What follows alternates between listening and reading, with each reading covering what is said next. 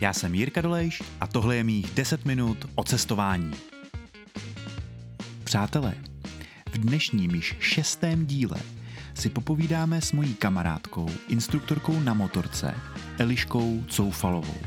Povídali jsme si o cestování, ale také o tom, jaké to je odjet na Kanárské ostrovy na týden a zůstat tam půl roku. Jak jsou na tom kanárčani s angličtinou, ale i o tom, proč je dobré se před cestou na Bali trochu informovat o tom, jak to tam chodí na silnicích. No, už nebudu zdržovat, užijte si poslech. Ahoj Eliško. Ahoj Jirko. Před měsícem si se vrátila z Kanárských ostrovů. Byla si tam celkem dlouho a bylo to poprvé, co si odjela takhle na víc měsíců pryč? Bylo to úplně poprvé, máš pravdu. Zbalila jsem se víceméně jenom na pět dnů, to znamená s nadsázkou jenom patery kalhotky, patery trička a helma, vybavení na motorku a malý batůžek. Takže jsem odjela jenom opravdu s vidinou toho, že tam budu pouze pět dnů, procestuju Gran Canaria a vrátím se zpátky. Ne, jak dlouho jsi tam byla? Půl roku. to je slušný. Co jsi tam dělala?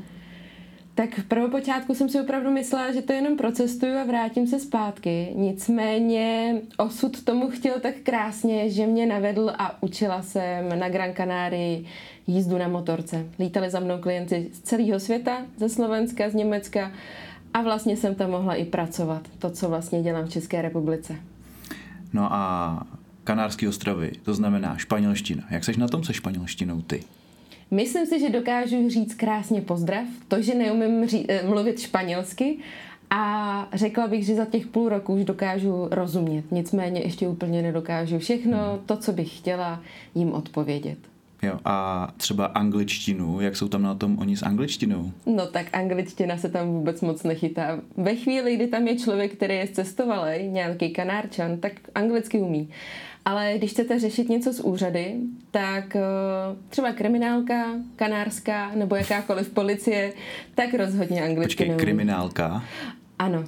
Mě na Gran Canaria vykradli, ukradli mi telefon. Ještě, že nezatkli. To ne, to ne. Nicméně stala se mi tam i taková věc ve městě, Agimes, kde jsem se kochala nádherným autem v garáži, jenomže mi spadla v tu chvíli i rouška, jako když vám spadne brada dolů a koukáte se. No a kolem zrovna projížděla ta nejtvrdší policie, která je, a to je ta kanárská, ta garda. A ty se se mnou moc nemazlili. Takže jsi dostala pokutu? Ne, naštěstí ne. Funguješ jako instruktorka na motorce. Ano. V rámci akce Učme se přežít mm-hmm. ti lidi můžou potkat eh, víceméně na autodromech po celé České republice. Doporučila bys třeba i mě, který jezdí jenom na skútru, abych se nějaký podobný akce zúčastnil a nebo radši jít na nějaký individuál s tebou a nebo něco jiného ještě? Záleží, o co máš zájem, kam se chceš vlastně posunout.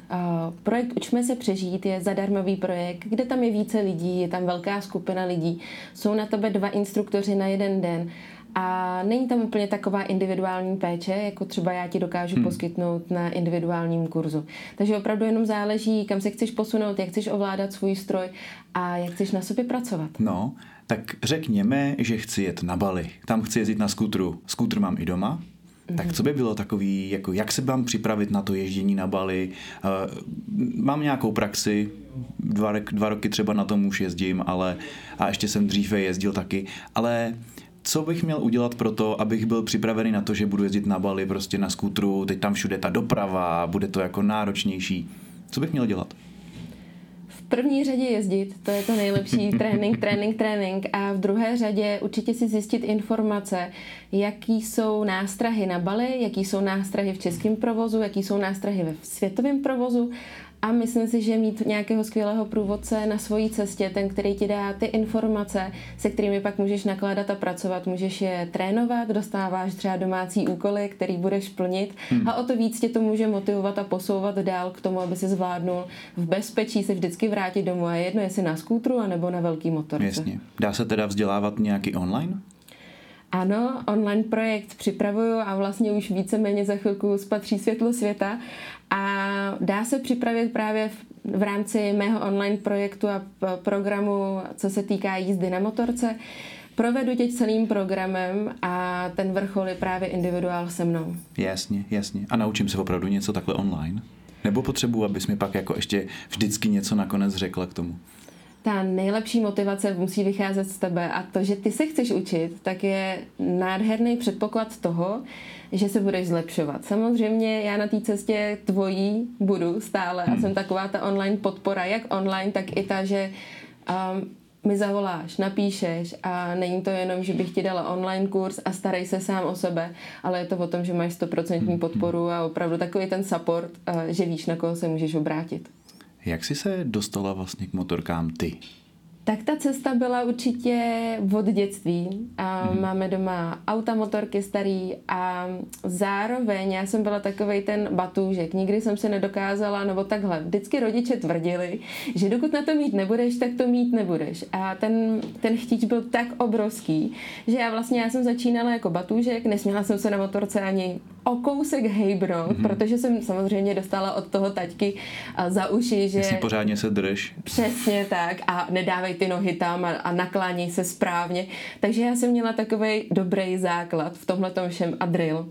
A to, jak jsem to nemohla mít, tak jsem se postupně k tomu chtěla dostávat a samozřejmě tenhle ten obor je hodně o penězích. Hmm. No a jakmile jsem si viděla první peníze v 15 letech, 16, tak jsem pomalinku do toho dupala, dupala, dupala a postupně přicházely ty motorky a ty šance a ten chtíč a ta vášeň to posouvat dál. No dobře, když říkáš, že jezdíš od malička, jak dlouho teda učíš? Myslím si, že se to datuje zrovna od roku 2015-2016, to znamená nějakých 6 let. Mm-hmm. Nejsem žádná rychlokvačka, musela jsem si k tomu opravdu do, dojít. A začínala jsem na projektu právě Učme se přežít, což je takový pro mě kmenovej, a kde jsem nabírala víc a víc zkušeností, takže učím už šestým rokem. Myslím si, že jo, šestým. Toto hmm. hrozně letí. To je slušný. Uh, hele, jezdíš na motorkách, testuješ nový kousky, Často tě to zavede i do zahraničí, píšeš pro časopis. Popravdu to je dream job? Jak se to vezme? Tím, eh, že to je moje vášeň a obrovská radost, tak do toho dávám 250-300%. Ono to většinou člověk hodnotí na jiný procenta, než normálně reálně jsou. Ale neumíte, ne, nepředstavujte si to tak, že ráno přijdete v 6 hodin někam do kanceláře a končíte ve 4 nebo v jednu hodinu a máte konec.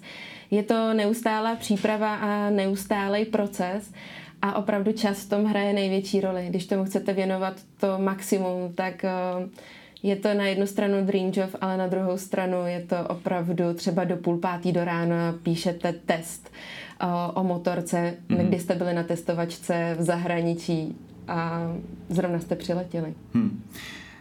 Je něco, co většina lidí dělá na motorce špatně a co bys doporučila našim posluchačům, aby začali dělat, než usednou za řídítka? Je toho spousta, ale já vždycky s radostí říkám, že přitom taková blbost. Takže spousta věcí vám dokáže zpříjemnit tu jízdu na té motorce a rozhodně bych začala od vašeho pohledu, protože kam koukám, tam jedu. A zkuste si to vždycky uvědomit, nekoukejte pod motorku, ale koukejte před sebe protože najednou vnímáte úplně jinak to svoje okolí. No a samozřejmě pozice rukou na páčkách, dva prsty, na jedné na spojkové páčce i na brzdové. Používat a manipulovat eh, jemně s tou motorkou, zároveň uvízt do rychlosti a pozice nohou na stupačkách. Takový tři věci. A přitom taková blbost. A přitom taková blbost. děkuji moc za rozhovor. Já děkuji, Jirko. Mějte se krásně, ahoj. A to je pro dnešek vše. Jako vždy najdete všechny odkazy, které jsme s Eliškou zmínili na stránkách 10minut.cz. Rád bych poděkoval klukům z pražírny Candy Cane za kafe, co mi po Elišce poslali a které poslední týden popijím. Ta Kenia je fakt super. Do dalšího podcastu je daleko a tak doporučuji kouknout k nám na Cestoklub. Najdete tam plno zajímavých cestovatelských přednášek a také jedno povídání od Elišky přímo z Kanárských ostrovů. Těším se na slyšenou za týden, váš Jirka Dolejš.